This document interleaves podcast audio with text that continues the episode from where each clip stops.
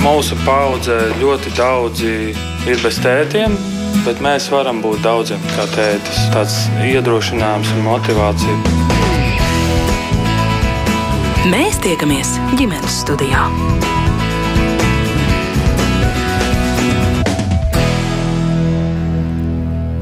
Labdien! Priecājos sveicināt jūs visus rādījumu ģimenes studijas klausītājus. Mans vārds ir Agnēs Linka un šī rādījuma producente ir Ilza Zvaigzne. Lai arī gadiem rīt bērnu drošībai veltītas kampaņas, tomēr nelaimes notiek un pat niecīga vecāku nevērība bērnus nepieskatot. Var beigties ar traģēdiju Kā tad mums pārliecināt eh, vecākus, piemēram, pludmalē skatīties eh, uz bērniem un būt vērīgiem arī visās citās dzīves eh, situācijās un cik tālu vispār iespējams novērst visus apdraudējumus bērnam? Par to diskusiju šodien ģimenes studijā un mūsu ekspertu krēslos šodien valsts policijas krimināla izmeklēšanas pārvaldes pirmās nodaļas priekšnieka vietnieks Jānis Kāpostiņš. Labdien! Labdien! Un telefoniski ar mums kopā arī Rīgas pašvaldības policijas drošības uz ūdens un civilās aizsardzības pārvaldes pārstāvja pārstāvis Jānis Skrims. Sveiciens arī jums! Jā, labdien! Un ģimenes studijā mums pievienojas arī Bērnu Kliniskās Universitātes slimnīcas ķirurgs traumatologs ortopēds Jānis Upanieks. Labdien, doktor, arī jums! Labdien! Un kā alaž šai radījumā arī jūs klausītāji varat pievienoties mūsu sarunai, ja ir kas eh, sakāms, kādi komentāri, viedokļi, pieredzes, rakstiet mums, sūtiet ziņas Latvijas radio mājaslapā Piemēram, ja esat novērojuši bērniem bīstamas situācijas, tagad vasara, brīvlaiks, atvaļinājuma laiks, bērnu publiskajā telpā uh, ir vairāk apkārt. Ja esat redzējuši tādas situācijas, kurās mazie ir nepieskatīti, vai varbūt paši kā vecāki esat pieredzējuši, cik īsā mirklī bērns var nozust no redzesloka, vai notikt uh, kāda nopietnāka ķibele, tad atrakstiet mums no Latvijas radio mājaslapas. Tas, ar ko es gribētu iesākt šo sarunu, um, kāda jums katram no sava profesionālā skatu punkta, tādā bērnu drošības kontekstā vērtējot, atainojas e, šī vasara? Cik melna tā ir? Varbūt sāksim ar pašvaldības policijas drošības uz ūdens pārstāvi Jānis Krim. Kādi ir jūsu vērojumi? Uh, nu, ņemot vērā to, ka mēs strādājam deviņās glābšanas stācijās, tad man, es varu tā diezgan objektīvi uh, Izvērtējot šī gada, teiksim, kaut kādus jau sastrādātos nedarbus, var objektīvi sniegt informāciju par to, ka mūsu peldvētās ir notikusi tātad divas epizodes, kur slīka bērns. Un tātad vienā no epizodēm iesaistījās mūsu darbinieks uh, un izglāba uh, tātad nepilngadīgo, un citā gadījumā savukārt tā bija tas, kad uh, paspēja iz, izglābt vecāks. Tātad vecāks pamanīja un glābējs pamanīja vienlaicīgi, kas uh, bērns, un tātad dodoties abi palīgām, veiksmīgi tika viss tas novērsts. Lūk, nu, ir bijuši arī gadījumi, kad mums ir noklīduši bērnu peldvietās. Jāsaka, ka ņemot vērā to, ka ir bijušas ilgstoši karstas dienas, ņemot vērā citus iepriekšējos gadus, jāsaka, ka šīs gads ir vēl tā salīdzinoši mierīgs. Es pat esmu nedaudz izbrīnīts un, un, un, un jāsaka, jā, ka uh, citus gadus pie šāda karstuma intensīvas, uh, intensīviem karstumiem mums ir diezgan daudz uh, dažāda veida notikumi, uh, bet šogad uh, ir, paldies Dievam, jāsaka, ir mazāk. Karstums pāris nedēļas, uh, nu, divas slīkšanas šajā laikā, kā to var vērtēt, daudz vai maz? Uh, uh, Jebkura slīkšana, protams, ir, eh, tas, tas nozīmē to, ka tas jau ir bijis ļoti tuvu līdz, tai, līdz, tai, līdz tam sliktākajam scenārijam. Eh, mums, kā glābšanas dienestam, jāatzīst, ka tā ir ikdiena, un mēs, eh, mums tas vienkārši darbs, mēs ar to sastopamies. Ja mēs sakam par to informējumu sabiedrību, tas, protams, ir ārkārtēji, un, un, un, un tas ir diezgan, diezgan jau traki, kad ir šādas divas slīkšanas bijušas. Jāsaka, citus gadus peltazonas laikā mēs veicam vismaz uh, 5, 6, 7 šādas te uh, slīkstošo glābšanas jau un jāatzīst, ka uh, 20, 20. gadā mēs izglābām četrus un visi bija bērni no tiem četriem, jā, visas četras epizodes bija nepilngadīgais. Savukārt pagājušajā gadā mēs esam izglābuši piecus un no šiem te pieciem atkal ir četri bērni. Uh, ņemot vērā šo, var secināt to, ka bērni ir tā kategorija, kas visbiežāk slīkst, uh, un tas, to var sasaistīt ar tātad vecāku šo te nepietiekamu uzraudzību. Tas ir viennozīmīgi. Tā ir tāda likumsakarība, jo mēs mazāk pieskatām savu bērnu, jo viņam kaut kas var notikt. Nu, tāds ir mūsu secinājums. Doktor Upenieka, kādi jūsu vērojumi par šo pirmo, nu jau gandrīz pusotru vasaras brīvlaika mēnesi?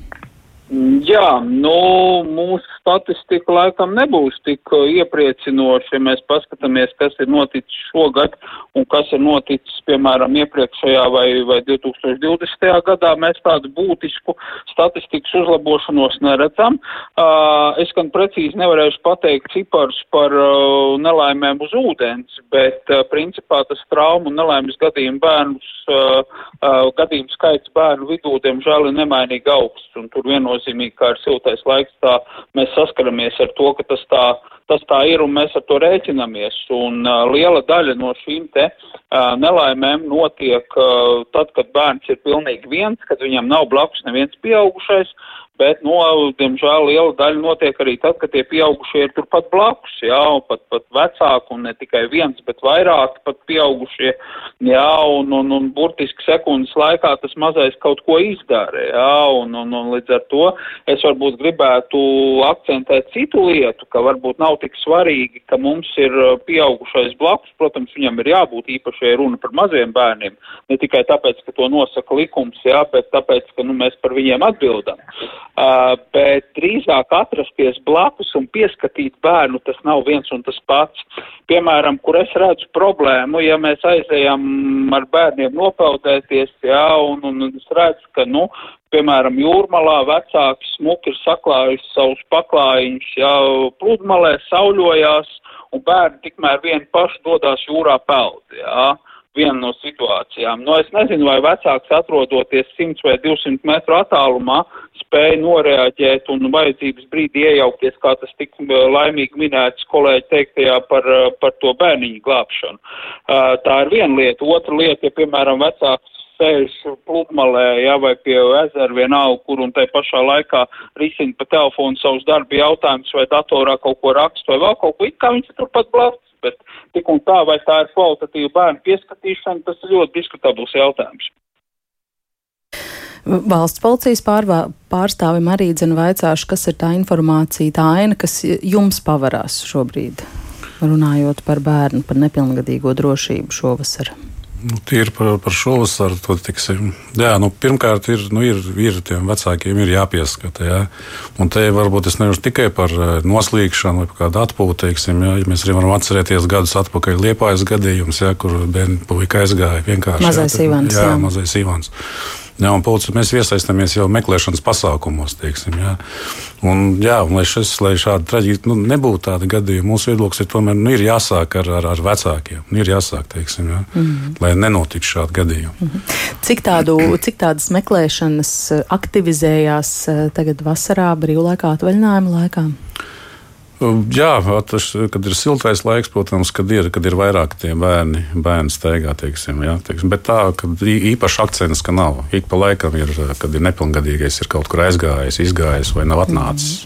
Nu, cik tādu meklējamo šobrīd ir? Mazgadīgo tādu mazo nav. Mm. Nepilngadīgo, kurš ir tas vecums? Nu, pārsvarā mums viss ir sākot no 13 līdz 16 gadi. Tas ir tie, tie bet tas neatiecās varbūt vairāk uz šo, kad tie ir par mazajiem. Mm. Kā jums šķiet, un tas ir jautājums visiem, kas mums vēl tā sabiedriski, valstiski vai tādā individuālā līmenī ir jāizdara, lai mazinātu tās nelaimes, kas notiek ar bērniem, tāpēc, ka viņi nav pieskatīti? Jā, nu, pirmkārt, jau pieaugušie ir jāinformē. Nu, varbūt tas informācija vairāk, varbūt vēl. Nu, it kā jau viss, viss notiek, bet eh, mēs uzskatām, ka jābūt vēl, vēl vairāk, lai kaut kādu izglītotu, tomēr, jā, nu, lai nepieļautu šādas gadījumus. Mm. Skrimkungs. Uh, jā, es domāju, ka viennozīmīgi sarunas biedrs, kurš pārstāv medi mediķus, ļoti precīzi iezīmēja to, ka šī te blakus būšana vecākām peldvietā nenozīmē, ka vecāks pieskata. Uh, mums, uh, es varu pateikt tā, ka mums ir ļoti daudzās peldvietās, faktiski visās gandrīz ir izvietotas video kameras. Ja? Un tad, kad notiek šādi gadījumi, mēs uh, video materiālu vērtējam, mēs skatāmies, analizējam, kas ir noticis. Un ļoti bieži ir tā, ka vecāks pat atrodas 3, 4, 5 metrus no, no sava bērna, un viņš nevar identificēt to, kad viņa bērns pat slīg. Tā ir uh, absolūtā neizpratne par to, kas ir vispār slīkšana, kā tieši ir jāuzrauga bērns. Vai tiešām ļaut tam bērnam iet līdz kaklam ūdenī, uh, vai viņš nav jāpietur pie rokas, tiem, pieņemsim, līdz trīs gadu vecuma bērns, uh, kurš, teiksim, uh, plunčājas ūdenī, kur ir viļņošanās un viss pārējais. Tātad uh, te vecākiem būtu jāapzinās tās sekas tiešām, kas var iestāties. Tas ļoti ātri notiek. Tās ir dažas sekundes, kad bērns aizrijās, notiek šī aspirācija, elpceļos nonāk ūdens un viss, un tur vairs, tur jau kā sanāks, tur pēc būtības tāda laimes spēle notiek. Un, uh, tad, kad ir notikusi šī jau aspirācija, faktiski uh, glābt cilvēku ir ļoti sarežģīti. Tas, kur šis līdz, uh, to cilvēku izglābt ir ļoti grūti veicot šos reanimācijas pasākumus. Vecākiem vienkārši jāsaprot tās sekas, kas var iestāties. Tepat tie naudas sodi, man liekas, uh, tā ir vieglākā, tās ir vieglākās sekas, kas var iestāties. Jāapzinās tas, ka var notikt visļaunākais. Un uh, jāapzinās to, ka uh, viņš arī uzņemās šo atbildību par savu bērnu un jāsaprot, kā viņš, ko viņš darīs pie situācijas, ja tiešām, uh, ja tiešām nonāks viss līdz tādam gadījumam, ka ir slīkšana. Tātad vienkārši jāapzinās to, ka viņš, ir, uh, ka viņš ar bērnu atrodas tādā paaugstinātā riska uh, apstākļos, ja, un, un, un jāmēģina novērst šie apstākļi līdz, līdz minimumam, šie ārējie riska faktori tātad jāmazina līdz minimumam. Upenīkungs. Jā, nu es uh, gribētu varbūt vēlreiz akcentēt to, ka, nu, teiksim, lai ar bērnu notiktu jebkur nelaime, ieskaitot ar nelaimi uz ūdens, tur patiesībā reizēm vajag sekundu un sekundes daļu ļoti īsu laiku posmu, tas būtu viens. Uh, otra lieta - nekad nebūs par daudz runāt un atgādināt cilvēkiem, jo, nu, mēs esam tā iekārtot, ka mēs, nu, uh, neaktuālās lietas sev noliekam tālākajos smadzeņu plauktiņos un pa viņām nedomājam. Ko mēs redzam? Notiek kaut kāda nelaime, divas nedēļas presē, televīzijā, visi ir izsižets, visi ir sašutuši, mēs risinām problēmu, meklējam kaut kādu risinājumu paiet pāris nedēļas un viss par to ir aizmirsuši līdz nākamajai reizē. Līdz ar to tā periodiskā profilaktiskā atgādināšana nekad nevar būt par daudz. Nu, un uh, trešā lieta, ko es gribētu akcentēt, ja mēs runājam par vecākiem un tieši par ūdeņiem, jā, viennozīmīgi māciet bērniem peldēt. Tā ir viena no labākajām pamatprasmēm, kas ir jāprot katram cilvēkam. Un ģimenē tas ir jau agrīnā vecumā, īpaši, ja jūs gribat pie tā ūdens atpūsties, ja, un tam bērnam ir jāmāca pie pamata, jā, un, un, un tas ir, jo, jo ātrāk izdarāms, jo labāk. Un, protams, nu, liek piebilst īpaši mazajiem bērniem ir nepieciešami šie te peldēšanas uh, palīgi līdzekļi, un uh, vienīgais drošais uh, aizsarg līdzeklis, kas bērnu var noturēt, bērnu, kurš nemāk peldēt, var noturēt virs ūdens, tā ir aizsarg vesti, nu, tad arī tādai droši vien, ka būtu jābūt, ja mēs zinām, ka mūsu bērns neprot peldēt, un tas ūdens ir pietiekami dziļš, nevis priekš pieaugušā, bet priekš bērna, jā, jo, nu, teiksim, tas, kas mums šķiet līdz potītēm, tas bērnam ir krietni dziļāks ūdens. Arī tas viss ir relatīvs šajā ziņā. Jā, līdz ar to tās būtu pamatlietas, ko es gribētu varbūt akcentēt. Jā, bet jūs dien dienā saskaraties, nu, jūsu darbs ir likvidēt vai vismaz censties mazināt tās eh, sekas, kas ir gūtas eh, bērniem nonākot nedrošos apstākļos. Kur jūsuprāt ir velkama tā līnija, kad tā vecāku nevērība ir vienkārši nevērība un kad tas ir tāds noziedzīgs nodarījums pret savu bērnu? Nu, patiesībā tas ir ļoti sarežģīts jautājums, jā, jo nu, man labticīgi gribētos teikt, ka neviens vecāks negrib darīt pār savam bērnam. Jā. Bet, eh, bet, diemžēl, jā, nu, teiksim, katrā individuālā situācijā var gadīties tas, ka mēs no laba prāta nepadomājot, neapzināti šo kaitējumu varam nodarīt. Es domāju, ka precīzi uz šo jautājumu jums neatbildēs neviens, bet tas ir ļoti sāpīgi, jo tad, kad vecāki apzinās to, ka viņu rīcības vai bezdarbības rezultātā ar bērnu kaut kas ir noticis, tad, protams, ir krēņķi puņķi atcerts, bet tad jau ir par vēlu. Jānis Krims, jums par šo ir komentārs par to vecāku atbildību.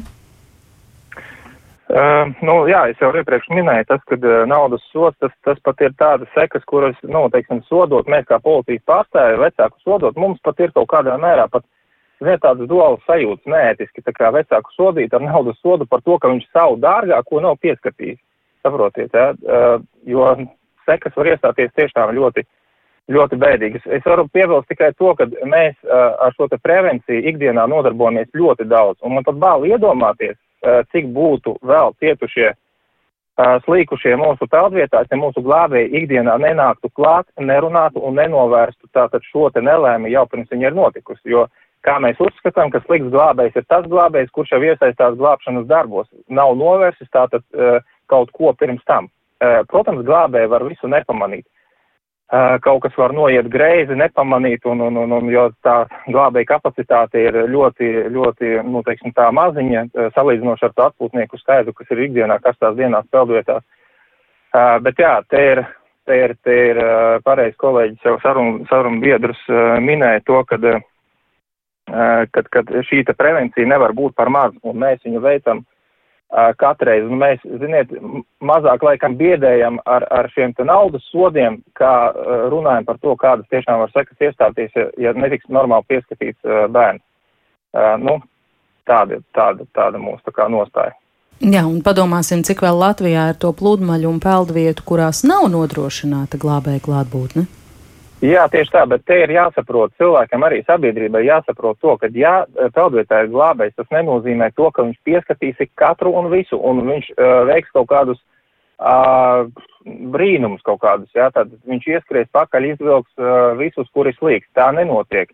Glābējs pēc būtības uh, var nepamanīt. Iedomājieties, ir peldvieta, ir 800 metru peldvietas garums, sauszemes daļa, jā, tikpat ūdens daļa, vecāki, un tur strādā divi glābēji kā viņi var pamanīt, teiksim, noklīdušu bērnu, kurš spēlēs viens pats, viņiem nav vienkārši tāda kapacitāte, lai to visu uzraudzītu. Tāpēc sabiedrībai jāsaprot, ka, ja tur ir glābējs, tas nenozīmē to, ka viņi tik pa, tiks paglābti. Jā. Tad glābējs tur ir faktiski, kā lai pasaka, seku novērsējs. Pēc būtības rēģē uz notikumu un nepieciešamības gadījumā veids šos te, uh, pirmās palīdzības funkcijas, tātad vai nu reanimācijas darbus, līdz atbrauc uh, mediķi. Tā ka tas būtu sabiedrībai jāsaprot, jo mēs novērojam to, ka uh, daudz vecāki uzskata, ka tas ir bez mazliet glābēja pienākums, kad uh, viņa bērns uh, ir jāpieskata glābējiem. Tātad, nu, te ir tāds stereotips kaut kāds radies uh, bērnu vecākiem, kurš es ceru, ka mums šo te visu sniedzot informāciju, tas tā kā uh, tiks izmainīts, uh, un, un, un tieši no vecākiem mēs, mēs vairāk prasīsim šo te, šo te savu bērnu uzraudzību. Jā, trīs Jāņi šodien studijā, tāpēc vērsīšos pie valsts policijas pārstāvja Jāņa Kāpostiņa. Uh, Nu, labi, datu mums nav, bet kāds ir tas jūsu priekšstats vai Latvijā par bērnu neuzraudzīšanu, novērtā pamešanu, kā rezultātā notiek noklīšanas, pazušanas, nelaimes, ir piemēroti sodi un vai tie tiek pietiekamā skaitā arī adekvāti piemēroti? Uh, Jo tas vadošais narratīvs ir, ja iet bojā bērns, vecāki jau tāpat ar to ir gana sodīti. Jā, to es arī gribēju teikt, piekrist ar kolēģiem. Tie sodi tiešām ir. Jā. Nu, ir un, un sodīt, tur nu, bāriņties sociālās dienas policijas sniedz informāciju. Ja? Vai tas ir pietiekami? Nu, nē, mēs jau cīnāmies ar sekām, teiksim, to, ko mēs redzam no policijas viedokļa, kad jau mums jāsaka meklēšana. Tad, nu, nu, tāda nu, sodīt, ka viņi it kā ir. Ja? Vai, vai, vai tas darbojās? Nu, cik daudz sodu es nevarēšu atbildēt. Mm. Nu, bet ir citas eh, valstis, kurās mēs zinām, ir ļoti strikta nostāja. Es nezinu, tur tāpat, piemēram, Skandināvijas valstīs par bērnu nepieskatīšanu, Lielbritānijā, Latvijas valsts piedarīgiem regulāri iestājas nepatikšanas, jo tur ir ļoti barga attieksme. Varbūt pie mums arī sodiem tomēr jābūt bargākiem. Varētu būt, ka jā. Kad, kad varētu būt, ka jā. Doktori, jūs par šo vēl? Ja mēs salīdzinātu ar citu valstu pieredzi. Nu, jā, es domāju, ka, teiksim, ar Skandināviju Latviju salīdzināt īsti korekti nebūtu, jo tur jau vēsturiski pavisam cita, gan politiskā, gan sociāla ekonomiskā tā situācija. Par sodu sistēmu, protams, ir jābūt, nu, tai, tai plētnē ir jābūt, bet ir jābūt arī burkānam un tā idejai, ka bēr, vecāks var izaudzināt bērnu veselu, dzīvu un pilnvērtīgu, tā pašā laikā pilnvērtīgi dodot viņam visu iespēju baudīt to bērnību. Uh, Uh, cik lielā mērā sodīt, nu, droši vien kaut, kā, kaut kādai atbildībai ir jābūt. Pateikt, vai tas ir patreiz pietiekami, vai tiem sodiem ir jābūt nežēlīgākiem, nu, tas laikam, tas laikam īsti nebūs medicīnisks jautājums, tīri cilvēcīgi, man liekas, ka kaut kādai atbildībai tomēr ir jābūt, tam jābūt noteiktam likumā. Jānis Skrīms par šo vēl varbūt kaut kas piebilstams. Uh, nu, policijai kā tādai ir šī, šīs sviras, ar kurām var tātad, var tātad sodīt uh, vecākus par to, piemēram, kad ir, not, ir pamests bērns novārtā, ja? Vai, piemēram, bērns ir atstāts bez uzraudzības, kā arī aprūpes pienākumu nepildīšana. Ja? Tad šīs tas viras ir, bet kā jau es teicu, kad tas viss ir jāieliek jau saknē, manuprāt, šīs te, kā arī sarunu biedri jau min to, ka mēs cīnāmies ar sekām. Tieši tā arī ir. Jāskatās, no kurienes tas viss vispār nāk, kādā sociālā vidē paši vecāki ir, nu, teiksim, atrodas, jā, kā, kāds viņam sociums ir apkārt. Un uh, te nevienmēr var pateikt to, ka uh, vecāki tiešām ir uh, no labvēlīga šīs te vides. Uh, un, un, un jāsaka, ka, uh, diemžēl, uh, daudziem ir, nu, da, līdz daudziem neaiziet šī te pat profilakse, un, un, un, un, un viņi jau pasaka, ka mums, mēs, jau, mēs jau taču, mēs taču ne, ne, nevienu, ne, nevienu reizi neesam noslīkuši, mums taču viss ir kārtībā. Uh, lūk, uh, bet šādas sviras ir, uh, cik viņas ir efektīvas dzīvē, uh, to es nemāku teikt, uh, jo, pieņemsim, pirms soda saņemšanas un pēc soda saņemšanas mums nav tāda informācija, tas cilvēks tur ir mainījies vai, vai, vai, vai viņa, vai viņa, teiksim, attieksme par šo tie ir visu mainīsies. Uh, bet uh, es uzskatu, ka uh, katram vecākam sava atvasa ir visdārgākā, tas ir, tas, nu, tas ir visdārgākais, kas viņam ir.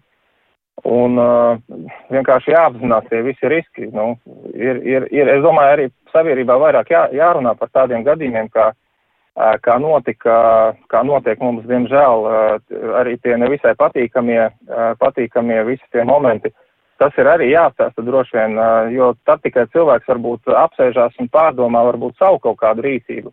Ja mēs klusēsim, tad neviens arī neuzzinās par šādiem gadījumiem. Tāpēc tas arī droši vien ir uh, viens no tādiem instrumentiem, kuru var izmantot, lai cilvēki tiešām vecāki, uh, nu, teiksim, izanalizētu savus kaut kādas uh, darbības vai bezdarbības. Un, un, un tādā veidā varbūt mūsu sabiedrība paliks nedaudz uh, atbildīgāka pret, savā, pret savām atlasēm. Paldies eh, par šo un skatoties pulkstenī, es saprotu, ka man šobrīd laiks teikt paldies eh, par sarunu arī Bērnu Kliniskās universitātes slimnīcas ķirurgam, traumatologam, ortopēdam eh, Jānim Upeniekam. Paldies, doktor, ka pievienojaties šodien sarunā ģimenes paldies. studijā un veiksmīgi tālāk darbos. Bet uh, Upenieka kunga vietu mūsu sarunā šobrīd uh, ieņems uh, vēl arī krimināla tiesība eksperte, viņa arī zinošs speciālists bērnu tiesību jomā Ilona Kronberga, kurai ģimenes studija arī dzentaujāja pēc viedokļa, vai viņas prāt tādi bargāki sodi vai kādas citas izmaiņas normatīvajos aktos varētu vairot Latvijā bērnu drošību vai mainīt mūsu vecāku attieksmi pret šo problēmu. Paklausīsimies Kronbergs kundzes teiktajā. Šādi nelaimes gadījumi notiek. Uh, viņi notiek ļoti dažādu iemeslu dēļ, un uh, noteikti jāstrādā ar tiem cēloņiem, kāpēc viņi notiek. Man noteikti ir runāt ir sarežģīti par bargākiem sodiem, tāpēc, ka pirmām kārtām, kad cilvēks nonāk tādā situācijā, tad bieži vien tie iemesli, ko viņš nav izvērtējis. Kādā situācijā atrodas bērns, par kuru tam cilvēkam ir atbildība, neatkarīgi no tā, vai tā ir māte vai tēvs vai kāds cits cilvēks, kur atbildībā bērniņš ir atstāts. Noteikti ir jādomā gan to, kādas vietas fiziski tīri drošība, vai tā ir bērnu labvēlīga vide, kurā bērns atrodas, jāizvērtē pieaugušajiem būtu tomēr riski. Un saprotams, ka šī riska izvērtēšana ir atkarīga no tā, cik pieaugušie zina. Tāpēc šeit būtu tieši vietā diezgan masveidīga, varbūt informatīvā kampaņa pieaugušiem, kurā tiktu stāstīts, kādi šie riski ir, kā to atpazīt. Jo arī pēc šī skumjā gadījuma ļoti daudz tika runāts par to, ka ir arī, protams, šie tautsēs prasmes apmācības jautājumi, kuri Latvijā varbūt nav tajā augstākajā līmenī, bet no otras puses nonākot riskantā vidē šī tautsēs prasme var arī nepalīdzēt. Ja mēs raugamies no juridiskā viedokļa, pagājušā gada novembrī saimā tika pieņemti diezgan būtiski grozījumi bērnu tiesību aizsardzības likumā, un tā skaitā arī tika precizēts vardarbības jēdziens. Vardarbības jēdziens būtībā ietver gan šo tradicionālu izpratnes vardarbību, kas ir emocionāla un fiziska, gan arī tādas lietas, kuras varbūt sabiedrībā netik bieži tiek izprastas pareizi, kā piemēram pamešana novārtā Un ko tad nozīmē šī pamešana novārtā, kad šīs pamešanas novārtā viena no komponentēm ir arī nolaidība, kas ir atkal šajā 13. pantā, un šīs nolaidības jēdzienā atkal ietilpst bērna aprūpes un uzraudzības pienākumu nepildīšana. No tālāk man ir pavisam noteikti jāteic, ka ir arī likumā paredzēta atbildība par bērnu atstāšanu bez uzraudzības, tā skaitā Nu, šeit ir arī bērnu tiesību aizsardzības likumā paredzēta atbildība, tā ir administratīva atbildība, kur ir brīdinājums vai naudas sots. Bet ir jāsaprot tas, ka nevienam cilvēkam sodu piedraudējums neietekmē uh, viņa uzvedību. Mēs jau sargājam savus bērnus, tāpēc, ka mēs viņus mīlam un tāpēc, mums viņi ir svarīgi. Tāpēc es domāju, ka šeit akcents ir jāliek nevis uz sodiem, Nevis uz uh, naudas sodu izmēru cipariem ir jāskatās, bet jāstāsta uz to, kā mūsu sabiedrība informēt un vairot cilvēku izpratni par viņu drošību un viņu tuvinieku drošību. Ne tikai uz ūdens, bet arī uz ielām, uh, uz uzturēšanos uh, dažādās sabiedriskās vietās. Nedaudz atsaucoties uz to, ko jūs teicāt par drošības kampaņām, nu, tādas taču notiek nemitīgi. Arī šai pat pavasarī bija veselības ministrijas kampaņa pārvērt pārdrošību par drošību, un mēs par to runājam nepārtraukti. Diemžēl tādas nelaimes eh, turpina notikt. Un otrs papildu jautājums, nu, kāda jēga, ka tā atbildība vispār ir paredzēta, tie sodi nu netiek piemērot, būsim godīgi. Nu, ziniet, tiesības sargājušās iestādes šos gadījumus izvērtē Un, uh, ja ir pamats uzskatīt, ka attiecīgi konkrētā situācija atbilst tai rīcībai, kas ir noteikti likumā, personam arī visam noteikti tiek piemērot sodi. Nu, bet jāatcerās šī arī gadījumā, kad, nu, ja tiek zaudēts tuvinieks un bērns, tie cilvēki jau tāpat ir sodīti. Un, vai tiešām mēs visu risinam ar vainīgo meklēšanu un sodīšanu? Ja mēs runājam par kampaņām, es piekrītu, ka ir bijis daudz kampaņu, bet es vēlos vērst uzmanību uz šo kampaņu, acīm redzot, profesionālitāti. Tāpēc, ka katra kampaņa pēc viņas norises ir jāizvērtē, vai viņa ir sasniegusi mērķi grupu. Protams, ka viņa sasniedz varbūt mani kā juristu, jūs kā žurnālistu, bet viņa nesasniedz tos cilvēkus, kuriem bija šis bērns. Un acīm redzot, tad ir nākamā kampaņa jābūvē uz citiem principiem, lai viņi šo mērķu grupu sasniegtu. Un šīm kampaņām ir jābūt regulārām un, un uh, noteikti arī, kam ir jābūt vēl klāt, to apdzīvoto vietu teritorijās, kur šīs peldvietas atrodas, kur cilvēki mm, veldzējās karstajās dienās. Nevajadzētu, manuprāt, žēlot resursus un izdomu kā šīs vietas pārvērst cilvēkiem drošas, vai arī, ja to nevar izdarīt, tad arī atsevišķas peldvietas varbūt slēgt un veidot drošas vietas uz tā pamata. Protams, ka vienkāršāk ir atrast vainīgo un sodīt, bet tas nozīmē, ka mēs, kā jau jūs minējāt, iesim no vienas reizes uz nākamo un nekas nemainīsies. Un ja mūsu līdzekļi piemērotie neiedarbojās, tad mums ir jāmeklē citu līdzekļu, kas iedarbojās nekāda labāka ceļa nav. Un, un šie resursi jāliek kopā. Gan informatīvā, gan peldēt prasmes, gan drošas vidas radīšana bērniem. Uh, jāņem vērā arī tas, ka cilvēki jau mainās. Tas nenozīmē, ka mēs nu, pagājušā gadā to teicām, vai uh, vienreiz pasakām, ka tai ir jābūt masīvai informatīvai kampaņai. Tad, kad nāk skolas brīvlaika, tad, kad bērni ir uh, nevis skolas vai izglītības iestāžu vidē, bet pilnībā tad, uh, ģimenes locekļu ziņā. Nu, tas šie jautājumi jārunā un jārunā noteikti varbūt ne ar lozungiem, bet jārunā ar riskiem kas tad ir konkrēti tās bīstamās situācijas, bīstamās lietas, ko nevajag darīt. Un daudz ko jau cilvēki arī saprot, uzlabojās jau, bet nu, mēs noteikti nevaram pašapmierinātībā slīgt un piemērot sodus un pabardzināt sodus, kur jau tikko arī tika pārskatīti pagājušā gada nogalē. Arī saimā noteikti ir iespējams. Bet uh, es nedomāju, ka var panākt labu rezultātu tik viegli, jo sevišķi ņemot vērā, ka citās situācijās tas gluži nestrādā. Mm, konkrēti, piemēram, par Norvēģiju runājot, arī plašsaziņas līdzekļos ļoti daudz ir tie stāsti, ka tur aizbraucot cilvēki saskaras ar uh, pavisam citu izpratni par pienākumu pieskatīt savus bērnus ļoti rūpīgi un par pavisam citu līmeņa tādu institūciju darbību, ja šis pienākums pieskatīt bērnus netiek uh, pildīts, un tas ir uh, stāsts par bargiem sodiem un par ļoti striktu attieksmi jā, no valsts iestāžu puses. Vai šis arī sakrīt ar to ideju, ka tomēr bargāki sodi nedarbojas prevencijā? Nu, redziet, uh, bargāks sodu prevencijā nedarbojas. Mums ir krimināla likumā 175. pants par 6 months pretiesisku iesavināšanos, un sodu netrūks. Tāpat tās atsevišķas sabiedrības daļas pārstāvji turpina zakt tautas valodā runājot. Ja? Un tajā brīdī, kad ierauga kaut kādas lietas, kas atrodas bez uzraudzības, neviens no šiem subjektiem nedomā par 175. pānta pirmo vai otro daļu, bet domā par to, ko viņš varētu izdarīt. Un tā apjēga nāk tikai nu, pēc tam, kad viņš ir pieķerts vai kā, un dažiem arī ne pēc tam. Līdz ar to vieglāk ir savu velosipēdu pieskatīt, ir vieglāk pieskatīt savu bērnu un runāt ar cilvēkiem. Nu, katra valsts meklē šos risinājumus, vadoties gan no savas uh, sabiedrības uztveres, gan no tradīcijām, gan no vispārējā. Mēs te varam paskatīties arī uz Lielbritāniju vai, uz, piemēram, arī uz Beļģiju, kur ir vispār bērnu tiesība aizsardzības jomas šie sodi ir ļoti bargi. Tā skaitā arī uh, drošības ūdens, par ko mēs arī kontekstā šodien runājam. Uh, vispār publiskās peldvietas ir ļoti maz atstātas.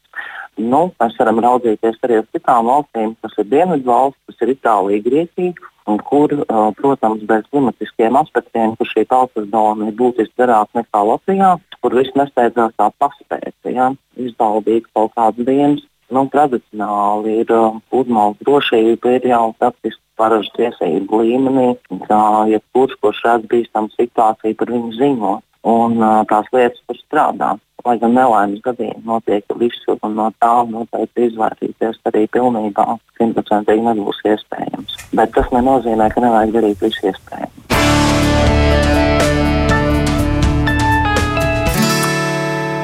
Kādiem līdzekļiem un cik tālu iespējams novērst uh, visdažādākos apdraudējumus bērnu drošībai. Par to mēs diskutējam šodien ģimenes studijā atgādināšu, ka sarunas dalībnieki ir Rīgas pašvaldības policijas drošības uz ūdens un civilās aizsardzības pārvaldes pārstāvis Jānis Skrims un arī valsts policijas krimināla izmeklēšanas pārvaldes pirmās nodaļas priekšnieka vietnieks Jānis Kāpostiņš.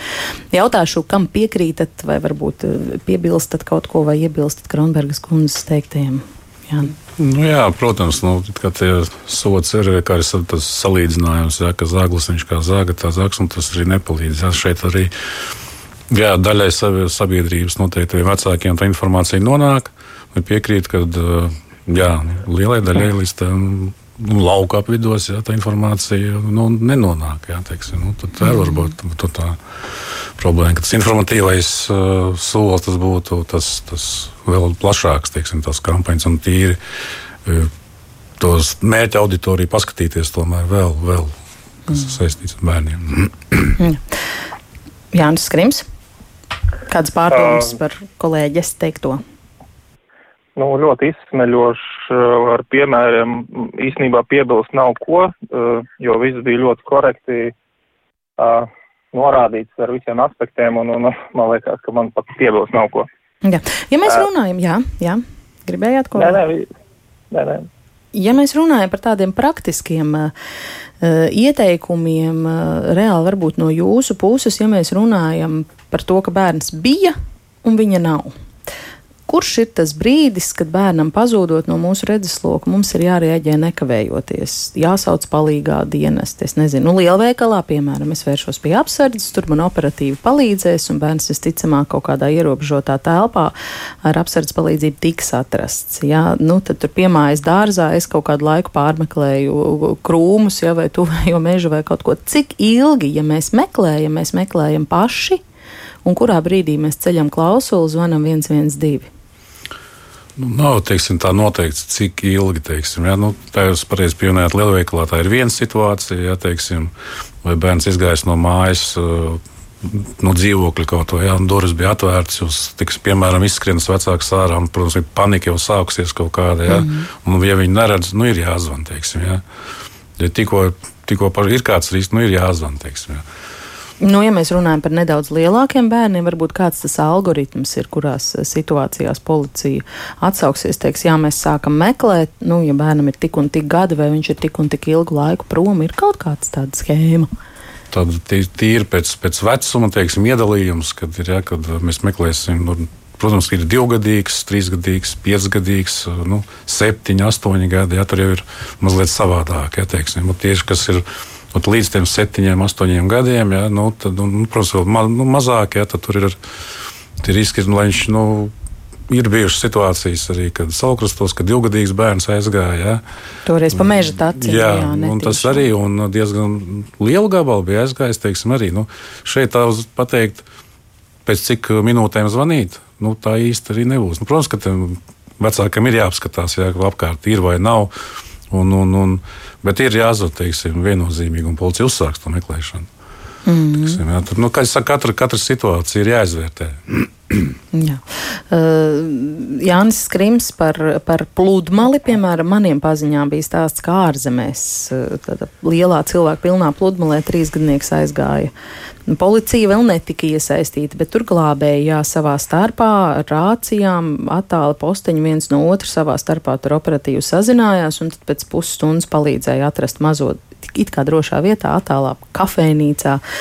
Kad ir pludmalē jāvēršās pēc palīdzības? Uh, nu, ņemot vērā to, ka uh, atpūtā pie ūdens uh, tas nosacīti jau ir tāda jau tāda apdraudēta vide. Vismaz mūsu kā glābēja tāda nostāja ir, ka uh, ūdens, tur, kur ir ūdens un bērni, tā jau ir tāda diezgan bīstama vieties. Ņemot vērā to, ka pazūd bērns, viņš nu, nav vairs mūsu redzes lokā, viennozīmīgi uzreiz ir jāsaka uh, glābējiem, kas atrodas peldvietā, un arī jāinformē kaut kā uh, arī apkārtējie. Uh, jāsaka šeit paldies arī līdzcilvēkiem. Pamatā, pamatā uh, ļoti daudz ir tādi cilvēki, kuri pamanot bērnu, kurš ir noklīdis, uh, jau vēršās pie glābējiem ar informāciju, ka viņi ir atraduši tādu bērnu. Un uh, es arī aicinātu visus pārējos uh, sabiedrības, uh, sabiedrības mūsu daļu, teiksim tā, nepalikt vienaldzīgiem, ja viņi redz kaut ko aizdomīgu, ka tas bērns varbūt iespējams ir noklīdis. Tātad vienkārši uzmest vairāk skatu un pavērot, ko tas bērns dara. Un, ja tādas pamatotas aizdomas ir, tad uh, lūgums uzreiz vērsties uh, pie policijas, pie mūsu glābējiem peldvietās, jo ir tāds viens aspekts, kad uh, citi vecāki, kuri diezgan pēc būtības ir atbildīgi, bet, uh, bet viņi baidās vērsties pie policijas, teiksim tā, nobīstoties no kaut kādām sekām vai no tā, ka viņi tiks nosodīti, nu, ir tāds apstākļus. Un, uh, Te es teiktu, ka jāmet, uh, jāmet nost visi šie stereotipi, uzreiz ir jāskrien klāt pie, pie glābējiem un jāprasa šī palīdzība, jo mums ir, mēs tāpēc tur arī esam, lai mēs palīdzētu. Tas tā ir mūsu funkcija numur viens un bērni ir mūsu prioritāte numur viens. Uh, un tiks uh, maksimāli ātri teiksim, apskatīta, novērota visa ūdens daļa, un, un iespējas mums tādi gadījumi ir ļoti daudz. Mēs gada laikā, nu faktiski mēs gada laikā, bet šajā pelsezonas laikā vidēji uh, nodarbojamies ar nevis nodarbojamies, bet uh, mums ir tādi, tādas epizodes, vairāki desmit, teiksim tā, no 20 līdz 30 nomaldīšos bērnus mēs atrodam katru sezonu. Uh, lūk, tāpēc te nevajag uh, gaidīt, uh, mēs tāpēc tur arī esam. Jā. Jums arī valsts policijai ir tādi ārpus pludmalēm novērojumi, ka vecāki varbūt baidas saulaicīgi vērsties, zvanīt policijai un atklāt, es esmu pazaudējis bērnu. Jā, es varētu piekrist, ka ir, kad ir, uh, ir bijuši gadījumi, ka, nu, kāpēc jūs nezvanījāt uzreiz. Labi, ka bērniņi tur tika atrasti, ja, kas izskatās aizgāja. Kāpēc? Ja, teiks, nu, no sākuma saka, mēs domājam, ka mēs paši atradīsim, pēc tam jau mums sākās drusku tā kā bail kopā mums tur runās, ka mēs tur esam izsaukuši policiju, un tad tur sāks, varbūt būs kaut kāda pārmetuma, kāpēc jūs tā vai savādāk. Mm. Bet, nu, nevajadzētu no tā, tam būt par šķērsli, ja bērns ir pazudis, nu, jāpieņem tas lēmums. Lai mēs varam sākt, mm. lai tā informācija nonāk līdz mums. Mm. Palasīšu nedaudz klausītāju komentārus. Viņi diezgan aktīvi iesaistās šodien arī mūsu sarunā. Ieva raksta, bērni ir kā ūdens zāles, īpaši mazie. Es pati biju pārgurus un pie jūras saulītē iemigu. Labi, ka bērns tikai rāpoja un bija aizrāpojis uz blakus kaimiņu deķīša. Joprojām to pārdzīvoju, bet neesmu vienīgā, kuru pārgurst ar mazu bērnu un ir māmas iemigušas gan mājās, gan parkā un nelaime var notikt arī kārtīgā un rūpīgā ģimenē. Tā raksta e, Ieva Elīna saka, ka viņai ir bijuši no novērojam vakar Lilastes pludmalē, kur atnāk tēvs ar 4-5 gadus vecu puiku, uzvelk puikam peldbikses un bērns viens pats pataisno dodas jūrā. Viļņi ir visai lieli, tēvs tikmēr mierīgi izklājas sedziņu, pats pārģērbjas, sakārto mantas. Uz bērnu tikmēr sakostiem zobiem skatos es, pēc principa svešu bērnu nav, bet nelaime tur bija mirkļa attālumā, puika bija iegājis gana dziļi, vismaz līdz krūtīm viļņi stipri, un tēvs eh, uz viņu neskatās. Tas bija potenciāli baiss scenārijs, tā raksta Elīna. Mūsu sarunai šobrīd pievienosies eh, vēl kāda dalībniece. Linda pati ir māma, kas dzīvo tuvu pludmalē un teica, ka katru dienu novēro, kā peldvietā vecāki ir nevērīgi pret bērniem, pat tad, kad visi no mediju un sociālajie tīkli bija pilni ar Siguldā pazudušās meitenes attēliem un vēl notika viņas aktīva meklēšana, mēs visi dzīvojām tā līdzi un uztraucāmies. Linda pie ūdens novēroja vecākus, kas uh, savus pirmsskolas vecuma bērnus neuzraudzīja. Nemaz, paklausīsimies viņas teiktajā situācija aptuveni bērni 4 līdz 6 gadi atradās ūdenī. Un vecāki viņi, viņi bija pie upes, bet viņi bija parādi pagriežušies pretēji, ka viņi redzēja ne jau upi, bet nu, uz krasta pusi pagriežusies. Vienkārši gulēja un cauļojās. Paņem telefonu, paskaida, kaut ko paskatās, un tie bērni vieni paši atradās ūdenī iekšā. Un viņas vienkārši fiziski nevarēja redzēt. Kā var tādus mazus bērnus atstāt vienus pašus ūdenī? Nu, Un, un arī vienā brīdī viens bērns sauc pēc mātes. Viņa pat nedzird, ka tas bērns sauc. Viņa bija tik ļoti ieradusies tajā telefonā, ka viņa to ne, nedzirdēja. Nu? Un it kā viņa atradās blakus, vai viņa neatradās blakus, nē, viņa bija. Bet viņa bija domās kaut kur pavisam citur. Ne viņa to bērnu redz, ne viņa to bērnu dzird. Un kas notiek, kad bērns slīkst? Vai tas viņš bļauj? Viņš nebļauj. Viņš aiziet klusumā. Un, ja tu neredzi, tu arī nemaz nezini. Jā, tur bija arī citi bērni, bet nu, ir akmeņi, ir zāles, ir viss, ir straume. Jebkas varēja notikt. Un viņiem tie lielie tie, tie riņķi bija un viss, viņi tur piepūšamajiem tur zem ūdeņas pakruvē, iznīra un vēl kaut kas. Nu, vecākiem pilnīgi vienalga. Pilnīgi vienalga. Es nemāku izteikties eh, maigāk, tāpēc ka vienkārši šajā situācijā maigāk nav iespējams izteikties. Jo kā tu vari nepieskatīt, kā tu vari neredzēt. Un tā arī bija potenciāls 5 minūšu nelaime. Nelaime notiek 5 sekundēs, ne jau 5 minūtēs. Un, kas attiecas par bērniem uz ūdeni, es ļoti daudz redzu, ka vecāki novēršas, novēršas no bērniem. It kā viņi tur pat fiziski blakus ir, bet tajā pašā laikā viņi neredz, kas ar to bērnu notiek.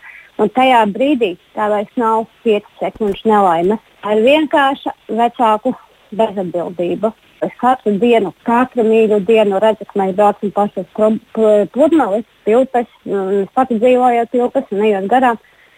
Tad vecāki sēž telefonos, vecāki sauļojas un nemaz uz upi neskatās un nemaz neredz, ko tas bērns dara. Un pats lielākais šoks bija tas, ka sabiedrība to atbalsta.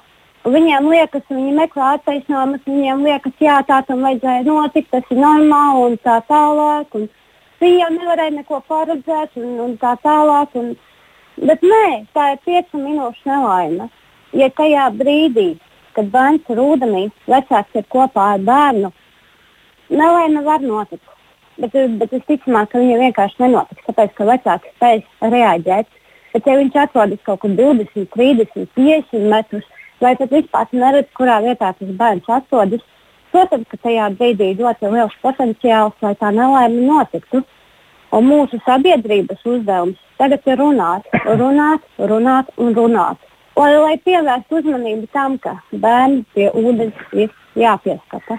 Tu nevari sēdēt telefonā, tu nevari sauļoties, tu nevari aiziet kaut kur uzsīpēt, padzerties vai vēl kaut kur, kamēr tavs mazais bērns tur patās pie ūdens vai ūdenī, vai jebkur citur skraida, un tu viņu neredzi, fiziski neredzi. Un, ja tu redzi, ka vecāks, kas neskatās, tad ir jāpieiet un jāpasaka, lūdzu, skatieties to bērnu. Jo, jo, jo kur nelaimes vairāk notiek? Nelaimes vairāk notiek tieši pludmalēs, kur ir vairāk cilvēku. Un tad es iedomājos tajā brīdī, ka visiem pārējiem ir jāskatās tas bērns, bet ne jau tev. Tu vari atļauties sauļot. Gan jau kāds pamanīs, bet uz ūdens, kā pašs redzējāt, nepamana. Vienkārši nepamana. Jā, ir gadījumi, ka kāds pamana, ka tev vecāki ir dusmīgi, ko jūs manu bērnu aiztiekat. Bet tev bērns gandrīz neslīta. Dusmas ir uz sabiedrību tieši jau vairāk. Jo meklē kaut kādus attaisnojumus, meklē kaut kādus iemeslus, meklē kaut ko vēl, vēl, vēl, vēl. Bet reāli neviens nevar pieiet un pateikt, pietiek, sauļoties, pietiek sēdēt telefonā, ej, lūdzu, pieskati. Bērns ir bērns. Viņš vēl nesapratīs, vai viņš tur var iet, vai viņš tur nevar iet. Kā viņš var to saprast? 4, 5 gadi bērns. Viņš redzēs, citi bērni iet spēlēties. Pat ja viņš ir krastā, viņš aizies tajā upē un spēlēsies kopā. Un, ja vecāks to neredzēs, kurā brīdī viņš pamanīs, ka tas bērns sāk slikt. Un šādas situācijas jau notiek ne tikai uz ūdens. Jūs arī pieminat jā, nu, bīstamu jā. situāciju ar bērnu, kas bija viens uz ceļa. Jā, bija laukumiņā, krūmi ir aizauguši. Tā bija, nu, lai nodalītu tā laukuma un braucamās daļas dzīvžoks uztaisīt. Un bērns atrodas aiz dzīvžoga, kaut kas tur meitenītei nepatika. Viņa Viņa raudāja, un vēl kaut ko māte tik nobļaujas. Beidz psihot, nāca pie manis, lai viņa atrodas lauciņā otrā pusē, un bērns jau iz krūmiem uz ceļa braucamās daļas, un vienkārši fiziski arī neredz. Un tur mašīnas iet 50 km/h. Tas pats stāvokumos vecāki stāv vienkārši pie mašīnas stāv, un otrā pusē bērns skraida pa braucamo daļu. Kā var nenotikt nelaimes? Nu, kā var nenotikt? un ko sabiedrība visi tikai paskatās, un neviens neuzdrošinās neko pateikt. Un tāpēc ir jārunā, ir jārunā, ir visu laiku jārunā, jārunā, jārunā, jārunā. Jāizglīto tie vecāki. Tā nu nedrīkst mazu bērnu palaist gadi trīs, lai viņš skraida vienkārši pa ceļa braucamo daļu vai, vai stāv kaut kur aiz krūmiem, kur viņu neredz. Un tajā brīdī vienkārši nu, jāpieiet un jāpasaka, lūdzu, paņemiet savu bērnu un par to jārunā, jo tas ir mūsu sabiedrības pienākums pamācīt, pasargāt, lai kaut kas tāds nenotiek. Ja man tā liekas, jau pēc mazā Ivana pazušanas, es sāku vairāk skatīties uz to, ka bērni vieni paši tādi maziņi kaut ko pārvietojas. Bet tajā brīdī, kad vec, vecākus blakus iedomājas, ka viss kārtībā, lai gan īstenībā tas vecāks varbūt par to savu bērnu neredz. Pamācīt, pasargāt vienam otru, lai nelaimes nenotiek. Tā māma Linda, paldies viņai par šo komentāru. Protams, atklāts paliek jautājums par to, kāpēc mums nav šī ieraduma nebūt vienaldzīgiem un pieskatīt ne tikai savus, bet arī citus līdzās esošus bērnus un vērsties pie viņu vecākiem, kas to nedara un kā šādu ieradumu veidot. Tālāk, piemēram, klausītāja Ilva raksta, es reiz aizrādīju māmiņai, ka jāpieskata bērns, citādi var notikt nelaimes, ko viņa man atcirta, ko jūs uztraucaties, tas nav jūsu bērns. Kristi Kristīna raksta, ka man ir četri bērni un gājiens uz pludmali. Man ir reāli smags darbs, es biežāk izvēlos to nedarīt un uh, neiet. Zāne raksta, viņai nepatīk peldēties atklātos ūdeņos, bet bērni ir sajūsmā. Pirms viņi iet ūdenī, mēs sarunājam, cik dziļi drīkst iet, piemēram, līdz padusēm vai uz peldkostīmu uzdrukāta tīģera acīm. Mazākajiem mugurā ir peldveste, vienmēr skatos līdzi, tomēr noturēt nepārtraukt uzmanību arī ir grūti, jo bērni labprāt spēlējas stundu vai vairāk. Vienu reizi desmit gados nepārtrauktā uzmanība ir noderējusi, vīrs stāvēja turpat blakus bērnam ūdenī un sarunājās ar citu pieaugušo, kamēr bērns aiz muguras apgāzās ar savu savu drošības vesti un pagriezās ar galvu uz leju. Slīkstoša bērnu plunkšķi izklausās tāpat kā neslīkstoša. Es skrēju ūdenī un bērnu iznesu, un viss beidzās laimīgi. Un tad vēl Anna vaicā, kāda ir droša peldlīdzekļi bērnam līdz septiņu gadu vecumam, kādas ir tās atšķirības pavisam maziem bērniem. Vēste jau vairāk kārt ir tikus pieminēta. Mm, Jāni, jūs varbūt varat pakomentēt, varbūt vēl par tiem pavisam mazajiem bērniem līdz gadiem, līdz septiņiem gadiem, varbūt kādai tai jābūt šai vestei? Uh, nu, pirmais, ko es gribētu pateikt, uh, es pārstāvu tikai pašvaldības policiju, bet es esmu ikdienā arī uh, peldēšanas treneris un varu pateikt to, ka vislabākais peldlīdzeklis ir uh, vest bērnu uz baseinu, uz apmācību. Tas ir viens, tas ir primāri. Uh, un otrs ir, nu, ja mēs ejam uz peldvietu, bet uh, bet bērns neprot peldēt, jā, tad izvēlamies tomēr šīs te, drošības vestes, glābšanas vestes, kuras nav piepūšamas. Tātad šī, šiem te, šiem te palīgu līdzekļiem atrodot, atro, atrodoties uz ūdens nedrīkstētu būt piepūšamiem, jo viņi vienkārši var nolaist gaisu kaut kādā momentā saules staros, viņi var, viņi, viņos var rasties kaut kādi bojājumi un, un gaiss ļoti viegli, viegli iziet no viņiem. Tāpēc cilvēkam būtu jāiegādājas normāla, normāla glābšanas veste, kas ir atbilstoša dažādiem kritērijiem, drošības kritērijiem, un ar tādu droši vien visticamāk jāiet. Bet tas, kad ir bērnam veste, es vēlreiz akcentēju to, ka, ja jūs pat uzvilksiet glābšanas vesti bērnam, tas nenozīmē to, ka viņš ir pasargāts no visām nelaimēm. Ja viņš neprot peldēt, viņam ir veste, viņš tāpat ir jāpieskata. Pat ja bērns prot peldēt un ir šī veste, tāpat viņš ir jāpieskata, jo ir dažādi ārējie riska faktori, traumas, nezinu, aptvari, viss kaut kas var būt. Ja?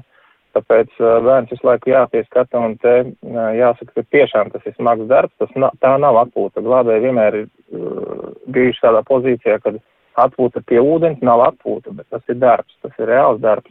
Jā. kas vecākiem jādara. Arnolds par šo raksta, ka vainojot pašvaldības, ka ierīko peldvietas tik viltīgās vietās kā pie gaujas, ka tur būtu obligāti jāierīko droša, īpaši bērniem domāt peldvietu, ko glābēji var uzraudzīt īpaši uzmanīgi. Ir tādas drošas un nedrošas peldvietas. Nu, kā kaut kur, kur es varu aiziet, es zinu, tur ir ļoti sekls, un tad vēl glābēji blakus, nu tad šeit es varu tā kā mierīgāk, drošāk justies. Ziniet, ir vesela mīnus kabineta noteikumi, kur nosaka kārtību, kā, kādās vietās iekārto uh, konkrētas peldvietas un kādiem kritērijiem šeit peldvietai būtu jāatbilst. Uh, bet es teikšu tā, ka uh, tur diezgan būtiski kritēriji šajos te mīnus kabineta noteikumos nav iekļauti, uh, bet arī runājot uh, par attiecīgi par pašvaldībām, pašvaldības pašas neiekļaujot šo, šīs te um, uh, peldvietas ministrs kabineta noteikumu pielikumā, viņas pašas var izveidot šīs peldvietas. Te, nu, jārunā tas, ka uh, tomēr, jā, pašvaldībām būtu jāizvērtē šie te, šīs te konkrētās peldvietas atbilstību, vai viņa tiešām ir uh, tā vieta, kur vajadzētu ierīkot peldvietu. Bet te, te ir atkal otrs gals, galība tā, ja mēs neveidosim šīs peldvietas, jā, ja, nosacīti drošas peldvietas, jā, tad, tad cilvēki izvēlēsies, diemžēl, tās vietas, kur nav droši, jā, un te ir, te ir, nu, te ir Koks ar diviem galiem. galiem. Jā, jā. Tieši tā, mums viennozīmīgi vajag paplašināt peldvietu skaitu, bet tajā pašā laikā labiekārtojot, teiksim, un padarot viņus minimizējošos ārējos apdraudējumus, jā, bet tajā pašā laikā mums ir tiešām jāpadomā, vai tā peldvieta atbildīs kaut kādām drošības, drošības nosacījumiem. Attiecīgi jāvērtē, vai tur nav palielinātas traumas, vai tur gultne nepaliek pārāk, pārāk, pārāk liels kritums, teiksim, no, nu dziļumā uzreiz. Jā, tad vairāk faktori. Jā. Pavisam īsi vēl varbūt par peldkostīma spilgtumu un to, kādās situācijās tas mums var palīdzēt. Tiešām pusminūte palikusi. Jā, te ir arī varam bērnam uzlikt kaut kādu atšķir, atšķir, atšķirības zīmi, teiksim tā, vai nu stiltu cepuri, kaut kādas noteiktas krāsas. Uh, ir pat bijuši tādi, kad mēs, da, tādi varianti, kad mēs dodam aprotas, kur uz aprotas uzraksta telefonu numuru vecākajā. Nu, protams, tas uh, uzreiz padara atvieglo dzīvi uh, vecākam, viņš tad viņam tad ir pamatot, viņš nevar var nepieskatīt savu bērnu, bet, nu, stiltas krāsas Šie peltēri arī, protams, tas atvieglo cilvēkam, nu, teiksim, vecākam uzraudzību, jo ir ļoti daudz, ļoti daudz atpūtnieku, un tas tiešām tā ir. Jā, dažreiz arī glābējiem pavisam bīstamās situācijās zinām, ka atvieglo arī glābšanu. Noslēgšu ar Annas repliku. Viņa piekrīt teiktajam, ka ir jāprot peldēt, bet, nu, vismaz Rīgā šobrīd tas tiek iekārtots, ka kļūst par ļoti dārgu prieku un drīz peldēt mācēs tikai turīgie. Mēs turpināsim ģimenes studijā sekot arī šim tematam. Paldies par sarunu. Eh, šodien es saku Rīgas pašvaldības policijas drošības uz ūdens un civilās aizsardzības pārvaldes pārstāvim Jānim Skrībam un arī dzen valsts policijas Latvijas krimināla izmeklēšanas pārvaldes pirmās nodaļas priekšnieku vietniekam Jānim Kāpostiņam šeit ģimenes studijā radījumu šodien veidoja Ilza Zvaigzne, Kristaps Ruņģis un es Agnese Linka. Mēs rīt runāsim par to, kādām neapmierinātām bērna pamatvajadzībām, par kādām pamatvajadzībām signalizē bērnu uzvedību un kā stiprināt um, attiecības. Rīt pēc pulksten diviem tiekamies atkal.